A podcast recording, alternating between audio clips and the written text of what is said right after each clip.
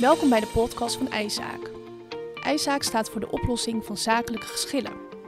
In deze serie van podcast willen wij jullie meenemen in de spannende wereld van geschillenoplossing. Mijn naam is Arianna Romein, ik ben advocaat bij Monarts Appels en teamlid van IJzaak. Vandaag heb ik een gesprek met mijn gast Bart Prinsen. Bart is advocaat bij Monarts Appels en daarnaast geeft hij samen met Short Smits het vak ondernemingsrechtelijke geschillenoplossing bij Tilburg University. Tevens is Bart oprichter van IJzaak. Bart, welkom. Dank je. Leuk. Jij bent een expert op het gebied van zakelijke geschillenoplossing en in dat kader ben jij een boek aan het schrijven met George Smits. Klopt dat? Ja, dat klopt zeker. Voordat we beginnen te bespreken waar je boek over gaat, nou beter gezegd waar jullie boek over gaat, is eerst mijn vraag, ja, wie is Bart Prins en wat doe jij eigenlijk en hoe lang doe je dat al? Nou, dat doe ik al 25 eh, jaar intussen. Uh, ik ben advocaat en ik geef les dus aan Tilburg uh, University, wat voor mij een ideale combinatie is. Uh, betekent dat de universiteit me dwingt om mijn zaakjes bij te houden en tegelijkertijd dat ik de studenten spannende verhalen uit de praktijk uh, kan bieden. Die ze heel erg leuk vinden. Dat blijkt heel erg goed te werken. En juist die combi, dat ben ik. Ja, want ehm, hè, jij bent niet gelijk begonnen als advocaat. Je hebt eerst gewerkt bij Tilburg University. En dan ben je ook uh, gepromoveerd. En toen heb je ehm, meer de, uh, de boekenkant, hè, de literatuurkant meegekregen van het vak. En daarna ben je echt het vak ingegaan.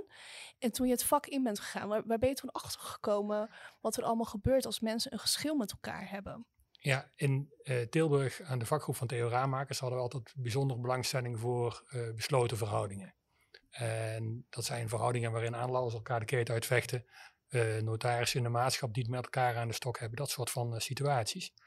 En dat was in Tilburg toen ik daar nog werkte, voor mij vooral een theoretische invalshoek. Ik had geen uh, praktijkervaring. En waar ik heel snel achter kwam in de praktijk, is dat er ja, zoveel meer dan het juridische buitengewoon interessant en spannend is als het om conflicten gaat. En dan heb ik het met name over de emoties die daaronder verborgen liggen en de psychologische kant van van de zaak. Ja, want als jij nog even terugdenkt naar die tijd waarin je daar achter kwam, van uh, welke probleem had jij toen waarvan je dacht van zo, dit was interessant, weet je dan nog? Heb je nog een leuk voorbeeld uit de praktijk van je dacht, ja, hè, eh, als ik naar de wet kijk, dan is het gelijk opgelost. Maar ik zit hier met twee personen, met emoties, met meningen en de wet gaat me hier niet bij helpen. Um, nou, er zijn die voorbeelden zijn er, zijn er zeker. En het is eigenlijk omgekeerd dan uh, jij denkt. Um, want het punt is, je kunt je theoretisch wel een voorstelling uh, bijmaken van hoe een wettelijke regeling werkt. In de praktijk kom je er pas echt achter hoe het echt uh, zit. En je moet je voorstellen dat er een uh, cliënt in opperste wanhoop en emotie bij komt. Vanwege het feit dat hij in een 50-50 verhouding geconfronteerd wordt met iemand die volstrekt zijn eigen gang gaat. Zich nergens een bal van aantrekt. En het ook helemaal niet kan schelen dat de hele toko omdondert. Nou, uh, die komt bij je met uh, een enorm uh, dossier, met heel veel e-mails en met brieven en van alles en nog wat. En dan moet je dan een keuze uit gaan maken. Wetende ook dat op het moment dat jij het niet goed doet, dat die toko omvalt. En dat jouw cliënt op dat moment alles kwijt is. Het maakt het heel erg spannend. en dat spannende van die situatie is ook eigenlijk relatief. als het in een joint venture Philips Groendig in een geschil om miljarden gaat, gaat het bij een bakkerij BV om de hoek om, ja, uiteraard lang niet dat soort van uh, bedragen. Maar dat kan voor degenen die betrokken zijn enorm spannend uh, zijn. Ja, het echte menselijke aspect komt dan om de hoek kijken. Hè? Ja. Is niet alleen maar de wet, maar ook ja, de consequenties die het voor jou heeft. Zo ook eigenlijk een beetje, als ik dan jou zo hoor praten, als je gewoon een relatie hebt met iemand en je bent met iemand getrouwd en je gaat uit elkaar, dan is het ook niet alleen maar het verdelen van de uh, spullen die je hebt en het geld dat je hebt, maar ook de emoties daarbij komen kijken. Ja, en hoe komt dat? Dat komt omdat het relaties zijn die op basis van vertrouwen zijn, uh, zijn aangegaan. Mensen vertrouwen, vertrouwen elkaar op de blauwe ogen en realiseren zich op dat moment niet wat er allemaal mis kan gaan, maken ook geen goede inschatting van elkaar. Ook niet van de situatie waarin ze eventueel terecht uh, kunnen komen. Denk even aan de periode van corona waar we nu uh, mee te maken hebben. Dat had iemand, niemand van ons ook een jaar geleden gedacht. Maar dat heeft allemaal wel in, impact. En uh, het punt is ook dat, ja, daar zit die relativiteit ook, ook in. dat je gewoon alles kwijt kunt raken waar je ooit op gehoopt had en waar je aan gewerkt hebt, waar je ziel en zaligheid ingestopt hebt, namelijk je bedrijf. Ja, want mensen beginnen hè, en die, nou stel wij kennen elkaar niet, wij zouden een eigen zaak beginnen, zeg maar een advocatenkantoor. Nou ja, advocaten die zullen dan wel juridisch wat meer onderlegd zijn, maar noem maar even de pakken op de hoek. En nou, we geven elkaar een handdruk.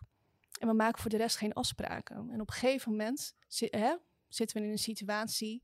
Ja, ik kan jou echt niet meer lucht of zien en jij mij niet. En we willen uit elkaar. En dan begint het. Dan beginnen de problemen. En dan kom jij om de hoek kijken samen met George. Ja, dan komen wij om de hoek uh, kijken. En dan um, is het heel erg uh, belangrijk dat uh, alleen al de emoties die dan een rol spelen, kunnen bijdragen aan een bepaald soort van vertekening die dan optreedt.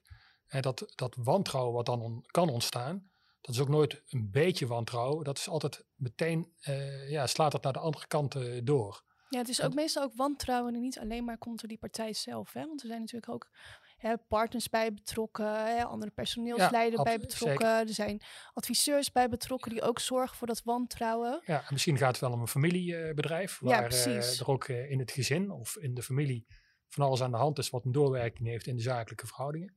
En dan gaat het, en dan gaat het dus mis. En dan is er heel vaak ook gewoon geen, geen rem meer um, om het weer in het spoor terug uh, te krijgen. En wat, wat George dan onder andere ook vertelt, is dat je nogal een keer in de praktijk ziet dat mensen uh, dezelfde manier als waarop ze in een geschil met elkaar uh, omgaan, ook gebruiken om eruit te komen. En dat gaat natuurlijk niet, niet werken. En daar komt nog eens een keer, bij dat emoties heel weinig of niets te maken hebben met de feiten. En dat je dus terug op die feiten moet komen, op een, op een reële inschatting van zaken, om überhaupt aan een oplossing te kunnen werken. Nou, daar zijn dus technieken voor. En die technieken die zijn, kunnen zijn van juridische aard. Het is natuurlijk ontzettend belangrijk om te weten hoe de wet in elkaar zit.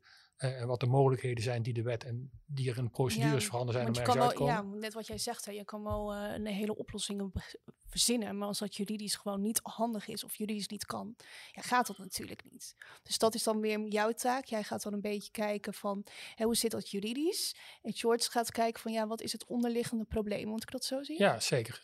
Ja, en uh, daar zit ook een pedagogische invalshoek achter in die zin dat ook kunt voorstellen dat bijvoorbeeld in grotere maatschappen die langer met elkaar uh, door moeten, bijvoorbeeld in ziekenhuizen, waarin de directie van de ziekenhuis erop aandringt uh, dat er op een, ja, op een uh, um, hygiënische manier met elkaar omgegaan wordt. Want uiteindelijk lijden patiënten daaronder op het moment dat je die zaken niet voor elkaar hebt. Dat je pe pedagogisch aan diegenen die in die maatschappij zitten leert hoe ze met elkaar om moeten gaan om te voorkomen dat er geschillen ontstaan. Dat heeft helemaal uiteindelijk niemand wat aan. Nee, en ja, Shorts en jij die zijn al heel erg op elkaar ingespeeld. Hè? Want wat je net al zei, jullie geven les bij Tilburg University. En um, daarbij hebben jullie ook uh, met uh, jullie studenten doen jullie rollenspellen. En dan gaan jullie ook allerlei onderwerpen bespreken. En wat ik heb begrepen, hè, een student kan een advocaat zijn, die kan een adviseur zijn. En dan leggen jullie een probleem uh, neer. Wat, wat, wat zie jij dan als je dat soort rollenspellen doet? Ja, nou, wat, ik, wat wij doen, hè, wij halen zaken uit de praktijk, maar ook uit de theorie, uit, uit casussen die uit de jurisprudentie bekend zijn. En we geven die studenten inderdaad alle mogelijke posities die denkbaar zijn. We laten ze cliënt zijn, arbiter zijn, rechter zijn, mediator zijn. Um, alle mogelijke posities om, dat, om, daar, om daar iets van te leren. En natuurlijk hebben wij niet de illusie dat ze als uh, verleerde mediators bij ons weggaan. Maar ze krijgen in ieder geval wel iets mee wat ik nooit geleerd heb en wat in de praktijk heel erg belangrijk uh, is. En, uh, ja, ik vind het mooi dat je dat zegt, want hè, ik, uh, ik ben zelf ook uh, meer dan 15 jaar geleden afgestudeerd. En ik heb dat op de universiteit ook nooit geleerd. En dat ga je op, ja, pas leren als je bezig bent in de praktijk als advocaat. Want dan heb je hè, meerdere mensen hè, met problemen. En dan ga je toch denken, ja, je wilt toch denken in oplossingen. Dus ik vind dat wel heel erg goed dat dat een onderdeel wordt van een universitaire studie. Want daar heb je laten we ook veel meer aan. Ja, eigenlijk zou het zo moeten zijn dat studenten vanaf het eerste moment dat ze in een studie de collegebank inschuiven, dat ze toegepaste psychologie onderwezen krijgen. Het is ongelooflijk uh, belangrijk voor in de praktijk welke positie je als jurist ook inneemt.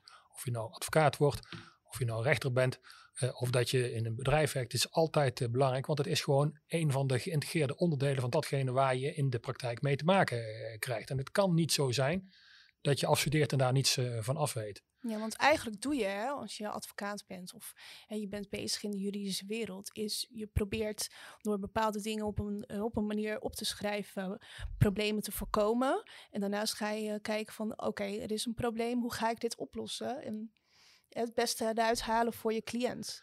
Dus in de praktijk komt het heel erg veel uh, terug. Absoluut. En uh, eigenlijk wat je als advocaat doet, hè, je, naast dat je, dat je de, je wettekst uh, kent en je traditionele instrumentarium hebt, um, gaat het er ook om dat je, dat je interveneert in relaties, voor zover er mogelijkheden voor zijn. En dat je beseft welke keuzemogelijkheden er allemaal zijn.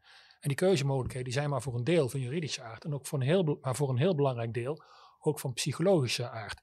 Als je door een bepaalde aanpak partijen, hè, dus alle partijen, uh, terug op de feiten, op de cortex kunt, uh, kunt krijgen, dus gewoon bereid kunt krijgen tot het vinden van een rationele oplossing, dan is het een enorme winst. Dat is een, dat is een, dat is een uitdaging, dat is heel erg spannend, dat is heel erg meerdimensionaal, maar het gaat ook altijd ergens over. Waarom? Omdat al die mensen die daarin betrokken zijn, en ik help je hopen, luisteraar, dat het je niet overkomt, maar al die mensen die kunnen gewoon hun inkomen kwijtraken, hun spaargeld, hun bedrijf, alles. alles. Ja, hun familie, hun gezin. En een pensioen. Ja. Dus uh, er hangt nogal wat van af. En dat lijkt, lijkt uh, wellicht, hè, als je er uh, niet eerder van kennis genomen hebt, een wat bedaagd onderwerp. Maar het is het bepaald niet. Het is in de praktijk vaak heel, heel erg spannend. Um, en het kan ook gigantisch veel kosten. Ja, want mensen die weten wel vaak, hè, als je gaat trouwen en je gaat uit elkaar, dat is heel erg veel problemen komen daarbij kijken, waarbij je ook alles uh, kwijt kan raken. Maar mensen realiseren zich niet, denk ik, of het te weinig, dat als ze uh, een, een, zaak met elkaar starten, in welke rechtsvorm dat dat dan ook is, dat het eigenlijk te vergelijken is als hè, met een huwelijk. Je gaat een relatie aan op basis van vertrouwen en daar kan een einde aankomen. Ja, en dat aangaan van die relatie, of dat nou een huwelijk is of een zakelijke relatie, is vaak ook gewoon niet het moment uh, waarop je die kritische vragen uh, aan elkaar stelt, met elkaar uh, beantwoordt, waarin je ook niet precies nagaat wat nou bepaalt over een periode van, laten we zeggen, drie maanden of zes maanden, wat nou succesfactoren zijn. En dat is gewoon heel erg lastig. Nog daar gelaten dat bij, bij het starten van een onderneming je hoofd erg, echt wel ergens anders naar staat. Dan ben je bezig met het productieproces, ben je bezig met financiering, ben je bezig met het vinden van een geschikte locatie, moeten er allerlei zaken uh, besloten worden, moet er personeel zijn. En um, nou fijn, dat maakt ook wel uh, dat het uh, voor de hand liggend is dat die dingen niet geregeld worden. Maar het, is, het kan wel buitengewoon naar uitkomen. Ik heb meegemaakt dat zelfs na drie maanden na oprichting van een BV uh, mensen elkaar al, uh, nou ja, zo ongeveer naar het leven stonden. Ja, maar, maar Bart, ik, heb, uh, ik ben een tijdje echtscheidingsadvocaat geweest. En ik heb ook mensen gehad die na drie maanden gingen scheiden. Dus het komt voor. Ja. Het is heel erg naar. Bepaald. En um, ja, dat moet je natuurlijk proberen te voorkomen. Maar als je nou eenmaal in dat traject zit, dan kunnen hè, George en jij kunnen mensen daarbij helpen. Daarnaast heb jij een... Um, heb jij IJzaak opgestart. En een geschillenoplossing. En bij IJzaak zijn meerdere deskundigen bij aangesloten.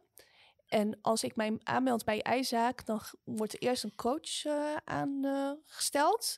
Die gaat kijken, wat is mijn probleem? En vervolgens wordt per onderdeel van dat probleem wordt een deskundige bijgeroepen. Ja, je moet het zo zien dat je in eerste instantie te maken hebt met je, met je, met je contactpersoon. En wat die, wat die doet, is een eerste uh, conflictdiagnose opstellen.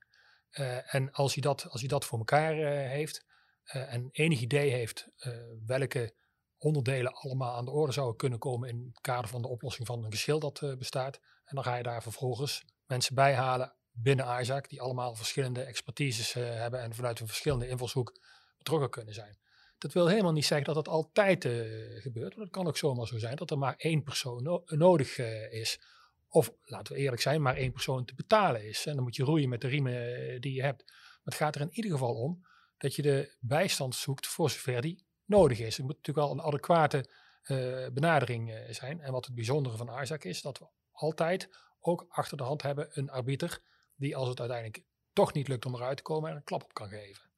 Ja, dus hè, alle kennis die jij in al die jaren hebt vergaard op het gebied van geschillenoplossing. Um, dat zie je dus terug in jouw werk als advocaat onder andere. Hè, in de lessen die jij geeft uh, op Tilburg University. En bij IJzaak zie je dat ook terug. Maar hè, dat zie je ook terug in het boek wat jij hebt geschreven samen met Sjors.